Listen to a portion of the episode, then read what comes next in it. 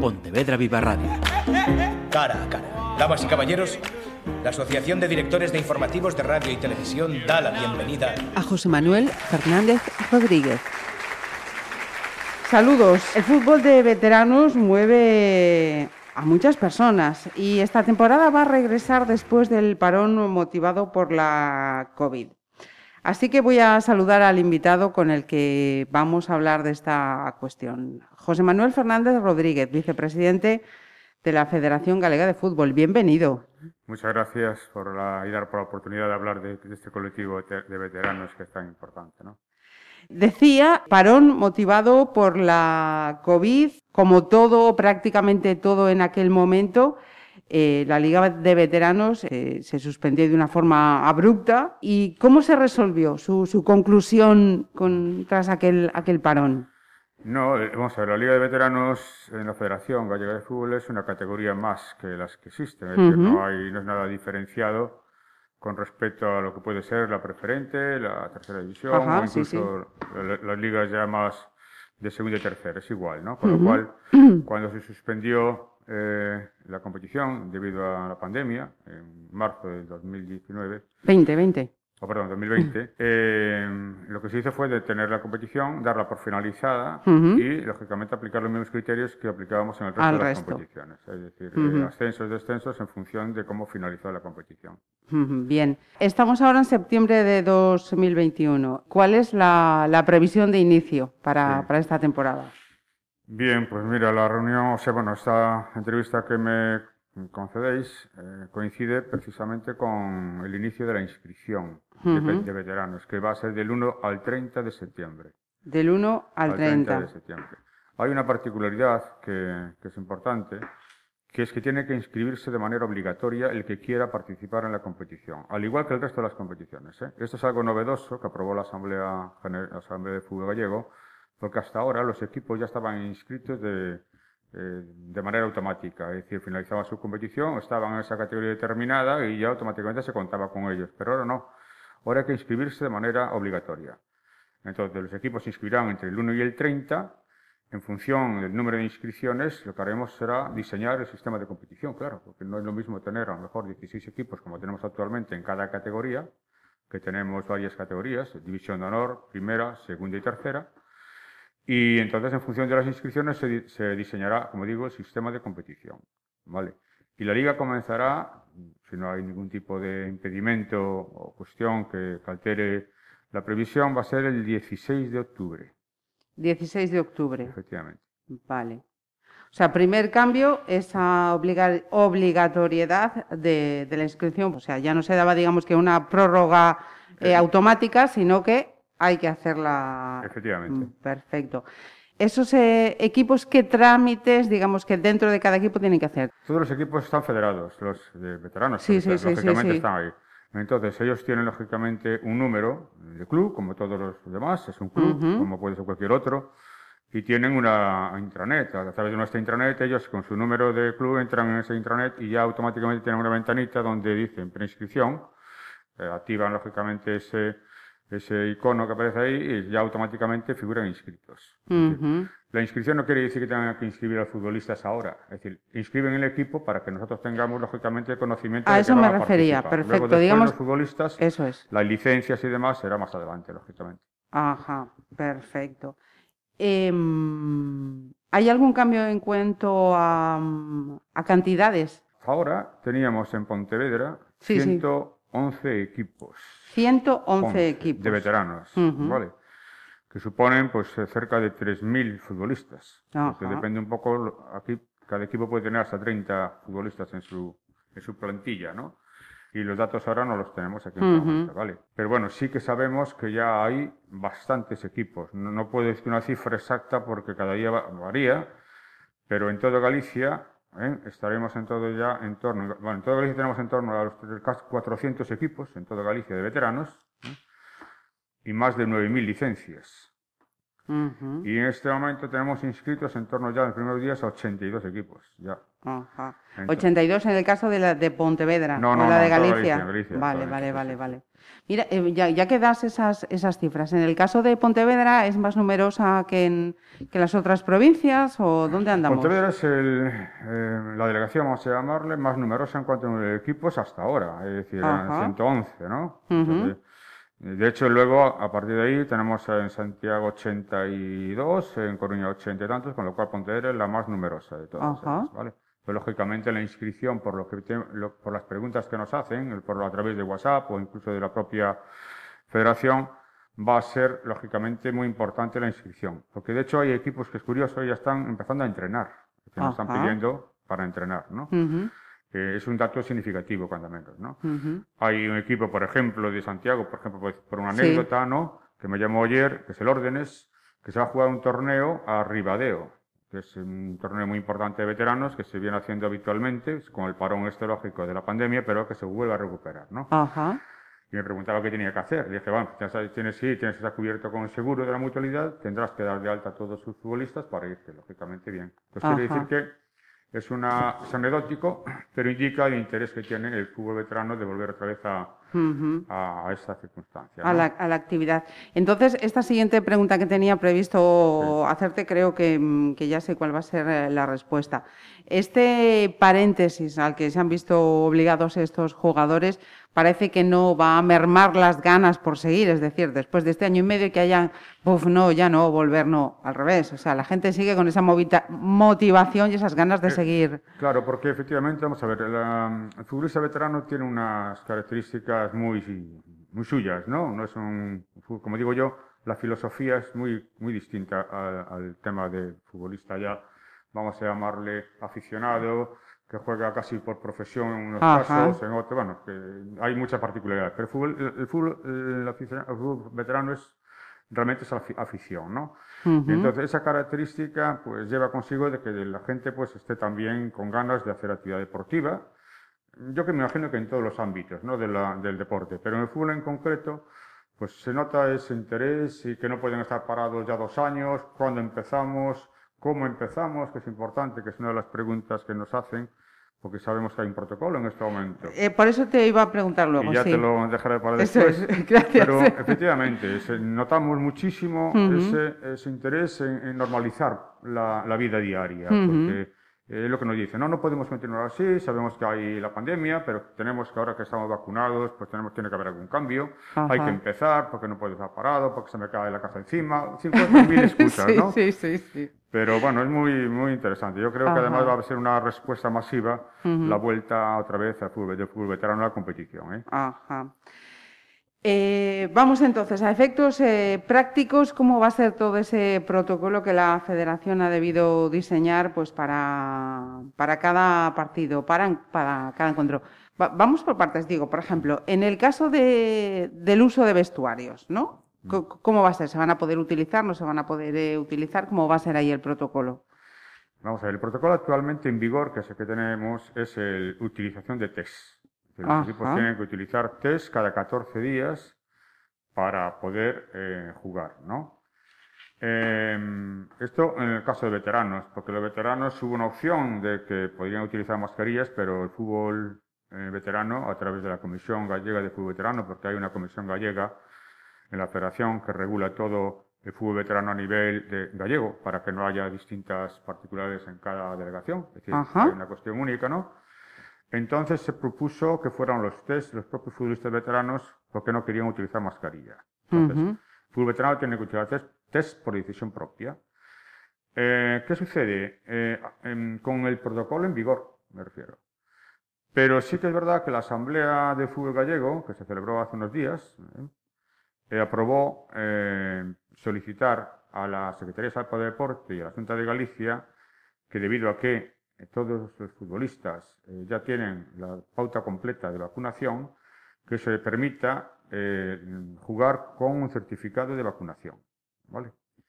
Entonces, eh, esta propuesta de- aprobada eh, por la Asamblea de Fútbol Gallego se, trasladó a la Secretaría General para Deporte y la Secretaría General de Paro Deporte lo transfirió, o bueno, lo trasladó al comité clínico. Ajá.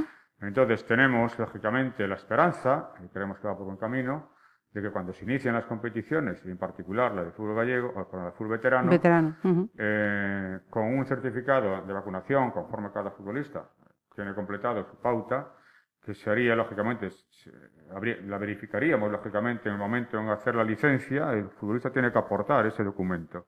Automáticamente ya figuraría a partir de ahí ya con todas las, eh, con las condiciones para poder, lógicamente, jugar sin mascarilla y sin test. ¿eh? En todo Ajá. caso, si no fuera así, habría que utilizar test.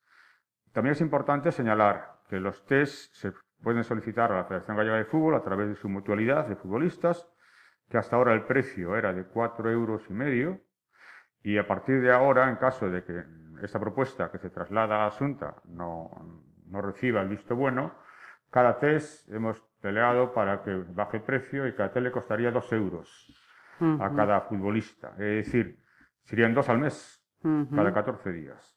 Bien, eh, tenemos entonces la opción, si tú presentas esa pauta completa, ese certificado de vacunación, eximes de estos test. En caso de que no tengas ese certificado de vacunación, hay que recurrir a, a estos test que nos acabas de señalar. Entonces, se olvidan de mascarillas, Claro, mascarillas no van a utilizar. vale. Eh, los vestuarios entonces se van a poder utilizar con normalidad, ¿no? Claro, eh, ahí es una cuestión que depende de los, de los propietarios de, los, eh, de las instalaciones deportivas. Ahí hay un pequeño detalle, ¿no? Entonces, hay concellos que tienen, lógicamente, que son propietarios de instalaciones, que permiten el uso de vestuarios, o que per- no que, que lo permitían. Otros que por su propio protocolo no lo permiten. Ujú, Es evidente que en el momento en que estamos, eh, con una población vacunada al 70%, o un poquito más quizá, con eh, los tramos que, que maneja el fútbol veterano, que son personas de más de 30 años. Ujú. en adelante, si se, eh, lógicamente, eh, se exime del uso de test y se permite jugar, me imagino que los propios concellos cambiarán un poco su protocolo, que eh, era rígido porque iba en la línea de una etapa de pandemia dura, ujú. eh, muy complicada, con, con muchos interrogantes y lógicamente los concellos, como administración pública que son, lógicamente intentan proteger un poco pues su La salud pública, sí. etcétera, ¿no? Y sabemos también que los políticos son muy reacios a abrir un poco la mano, sobre todo pecan a veces, no digo que pecan, hay mucha Ujú. prudencia por lo que se juegan, ¿no? Entonces yo entiendo que en el tema de vestuarios, centrándonos en el tema, eh, nosotros sabemos por, por experiencia que hay concellos más abiertos a la utilización de vestuarios y otros menos abiertos. Se supone que abrirán. Ahora porque en plena época invernal, con el fútbol y con el deporte en general, sea fútbol o deporte en sala, Ujú. lo que no puedes es coger, jugar los partidos, se cae una tromba de agua y resulta que te En eso estaba coche, pensando, ¿no? claro, claro. Y creo que, Ujú. que también entiendo yo eh, que vamos a ver algo ha cambiado con respecto a lo que hemos vivido hasta ahora. Es Ujú. decir, eh, no- antes no se vacunaba o había muy poca gente que se vacunaba todavía. Ahora, lógicamente, tendríamos que hacer un esfuerzo todos. Simplemente también porque hay que hacerlo. Es decir, hay que volver un poquito a esa normalidad y también abrir un poco, en ver qué sucede, porque resulta que a lo mejor no sucede absolutamente nada, ¿no? Ujú. Hay que mantener, lógicamente, las precauciones, eh, a lo mejor que no sea la entrada en, en los- en las duchas masiva o que se utilicen los vestuarios pero no las duchas. En fin, habría que eso, tiene que ser un poquito el compromiso también de los propios concellos para dar normalidad a la actividad deportiva, que es muy Mm, vale. necesaria, evidentemente, para todas las eh, edades. ¿eh? Ajá, o sea, estamos entonces en, en un escenario en el que cada ayuntamiento va a tener que determinar el uso Mm. y en qué condiciones de, de esos, de ese espacio en concreto, los vestuarios. Y en cuanto al público, se va a permitir que haya Sí, sí, acceso, va a haber unos porcentajes, pues como hay en, eh, en otras eh, competiciones de la liga, ¿cómo va a ser? Sí, no, el público en el tema veteranos que estamos hablando es muy... es- en la liga ya sabemos que ahora ya el gobierno ha aprobado, bueno, el Consejo Superior de Deportes, me parece que 40% en Ujú. algunos sitios, en Sí, otros van 50, variando, bueno, sí. más o menos, ¿no? Ujú. Por término medio 50% en, en la entrada en público a las instalaciones deportivas y en veteranos es igual. ¿Qué pasa con veteranos? Veteranos, lógicamente, atrae poca gente porque eh, o es un campeonato gallego, como sucedió eh, en el año 2019, en Ajá. junio de 2019, que fue la última temporada pudo jugar. se- realmente terminó como terminó, que se hizo el campeonato gallego en Vigo, en Colla, y donde había pues casi 400 espectadores, que es espectacular, ¿no? Pero normalmente un partido de veteranos pues lleva a los propios jugadores, a los familiares. Sí, el entorno próximo de los jugadores. el tema de público en veteranos no es algo mm, muy, no es problemático, vamos, en ese aspecto. Claro, te preguntaba porque, eh, por ejemplo, eh, durante este pasado curso, y, me voy ya pues a actividades eh, infantiles, no, se permitía el acceso de los adultos. Entonces dije yo, bueno, pues igual es que ahora tampoco se va a permitir el acceso a, estos... yo creo que vamos a ver, en el mes de junio, de junio, que yo tengo visto algún partido de niños, chiquitines, ¿no? De David, Benjamín y tal, por ejemplo, aquí en Pontevedra, en el Ayuntamiento no se permitía jugar esas categorías tan básicas. No y había equipos que tenían que buscar dónde jugar. Y se jugaban fuera del ámbito municipal. Ya sea MEIS, que dejaba los campos, tal. Pero no entraba el público. Y había esa restricción, ¿no? Ahora el público, lógicamente, no es restricción. Perfecto. Lo cual también es significativo, ¿no? Es decir, yo creo que eh, lo que hablamos antes, ¿no? Que el, protocolo entendemos desde la Federación Gallega y a través de su Asamblea General, que es la que realmente manda, aunque los directivos lógicamente somos un poquito los que tomáis la... pero la Asamblea es la que, la, que manda en, el fútbol gallego, decimos que si realmente se abre ya la instalación a la asistencia de público, en cuanto al protocolo tiene que haber alguna variación porque algo ha cambiado sin duda alguna. Si los comités clínicos dejan esa posibilidad de entrada masiva, porque hay que ver los campos como están. Yo hace poco, la semana pasada, fui a ver un partido de la final de la, de la Copa Ref en la Estrada, la jugaba el Alondras contra el Somozas y la grada estaba abarrotada. Con lo cual, quiere decir que el protocolo tendrá que cambiar, entendemos también. Hasta el momento, eh, me decías que durante este mes de, septiembre tienen el plazo para formalizar este, este trámite. ¿Hay algún tipo de duda, de cuestión que sea más generalizada? ¿Dónde están preguntando los, equipos fundamentalmente? fundamentalmente están preguntando el tema del protocolo. Es decir, vamos a, ¿cómo vamos a jugar?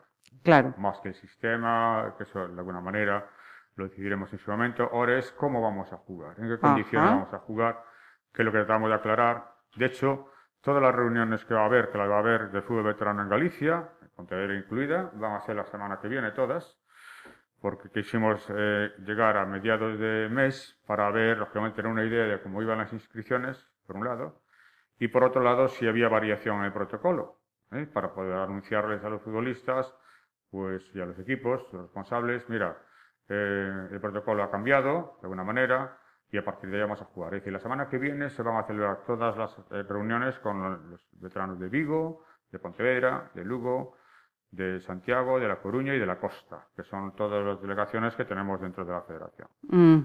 Entonces yo va a ser por videoconferencia, evidentemente, porque eh, en el caso de Pontevedra, 111 equipos 112 personas, algunos equipos vienen con dos, es imposible, lógicamente, a pesar de todo, pues meterlos en un local. Ajá. Exactamente. José Manuel está hablando de la próxima semana. Tengo que puntualizar que si estáis escuchando el podcast, estamos ya a pie de lunes, con lo cual va, estaríamos en esta semana del 13, ¿no? la que... Perfecto, perfecto.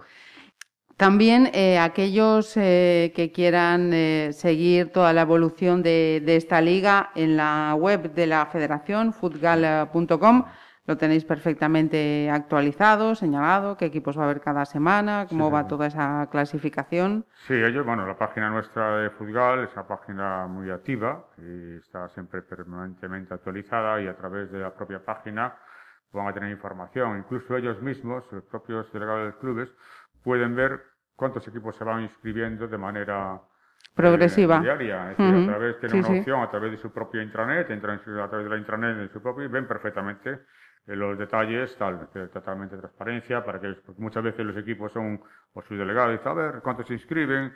Yo me inscribo sí, se inscriben otros, y un poquito andan la cuestión. ¿Cuántos somos y tal? Un poco, esa, lógicamente, eh, después de este tiempo pasado, de incertidumbre y de preocupación, todavía la gente está, es decir, aún nos cuesta un poquito a veces dar ese paso adelante o por miedos todavía o por cómo serán, etcétera, etcétera. Hay, hay todavía el tema. Luego hay equipos, lógicamente, pues que han perdido jugadores por el camino, que es una desgracia también, unos por unos motivos, eh, eh, gente también de edad, eh, bueno, que hay que darles un cariño enorme, ¿no? Y otros, pues porque jugadores han decidido ya, a lo mejor, pues mira, ya no me interesa. Cuelgo las botas. Entonces va a haber Sí que es verdad que en, el, eh, este, la temporada que comienza y con las nuevas inscripciones eh, vamos a ver cambios, de alguna manera, en cuanto a la propia constitución, o sea, constitución de los equipos, en cuanto a los equipos en sí, que se van a caer algunos, ¿vale? Por, precisamente lo que acabo de decir, porque el equipo no tiene jugadores o tiene pocos jugadores porque otros no quieren jugar o porque por desgracia ya no están con nosotros. En fin, eh, creo que estamos en una situación este mes de septiembre de análisis muy profundo de cómo va a ir la competición futura. Y, pero bueno, yo desde aquí aprovecho que me dais la oportunidad para animarlos a todos. Nosotros vamos de la federación, como estuvimos siempre, muy cerca de ellos, muy cercanos, mm, para resolver los problemas que puedan tener. Siempre lo saben ellos, además, de su fútbol veterano a través de nuestros servicios médicos. Tenemos clínicas propias, además, ahora en las delegaciones y que no tengan miedo porque van a estar muy respaldados, van a estar muy, vamos a estar muy cercanos, muy cercanos a ellos para que si deciden de alguna manera iniciar eh, o empezar, porque la liga va a empezar sí o sí, eso también te lo digo, se lo digo a ellos, ¿no? Independientemente del número de equipos, va a haber competición porque no nos podemos permitir el lujo de parar otro año más, es un suicidio, ¿no? Entonces yo animo al fútbol veterano a dar ese paso, repito, porque estamos trabajando en la federación para que la actividad se reanude de manera normal y en las mejores condiciones y con las mayores protecciones posibles. Y bueno, el día 30 de septiembre analizaremos cuántos han dado ese paso, evidentemente. Ajá. Pues y que además eh, el ejercicio es salud y la salud en este momento es fundamental, es fundamental. Claro que sí. Pues eh, José Manuel eh, Fernández, vicepresidente de la Federación Galega de Fútbol, muchísimas gracias por acompañarnos y hablar pues de, esta liga en concreta de, veteranos que quizá mediáticamente pasa más desapercibida, pero que como nos has dado esas cifras, son miles de personas las que cada fin de semana se mueven para, para, practicar fútbol. Muchísimas personas. Ya vuelvo a repetir que son más de 9.000 personas de fútbol veterano que se están lógicamente desplazando y que son, pues tenemos 400 equipos, que son 200 partidos cada semana, que, con árbitros federados, eh, con mutualidad de futbolistas españoles, porque la mutualidad que los ampara al, fútbol futbolista veterano es la misma mutualidad que ampara a un futbolista, pongo por caso, de tercera división, de preferencia, no hay ningún tipo de, de, diferencia. absolutamente la misma, las mismas condiciones, los mismos derechos, los mismos deberes, ¿no? Y yo lo que daros las gracias a Pontevedra Viva por darnos la oportunidad de, de hablar de fútbol veterano, que en muchos casos es un poquito desconocido, pero es fundamental para, para, para muchísimas personas que han abandonado, el fútbol, eso ya vamos a llamarle competitivo aficionado, pero que tiene, como digo, otra filosofía más de ocio, más de estar con, con los compañeros y que a la vez, lógicamente, les facilita eso, lo que decías ahí, apuntabas tú muy bien, que es la mejora de su desarrollo personal, físico y de salud. Por eso, muchísimas gracias, no en mi nombre y de la Federación, sino del Fútbol Veterano, por darle voz.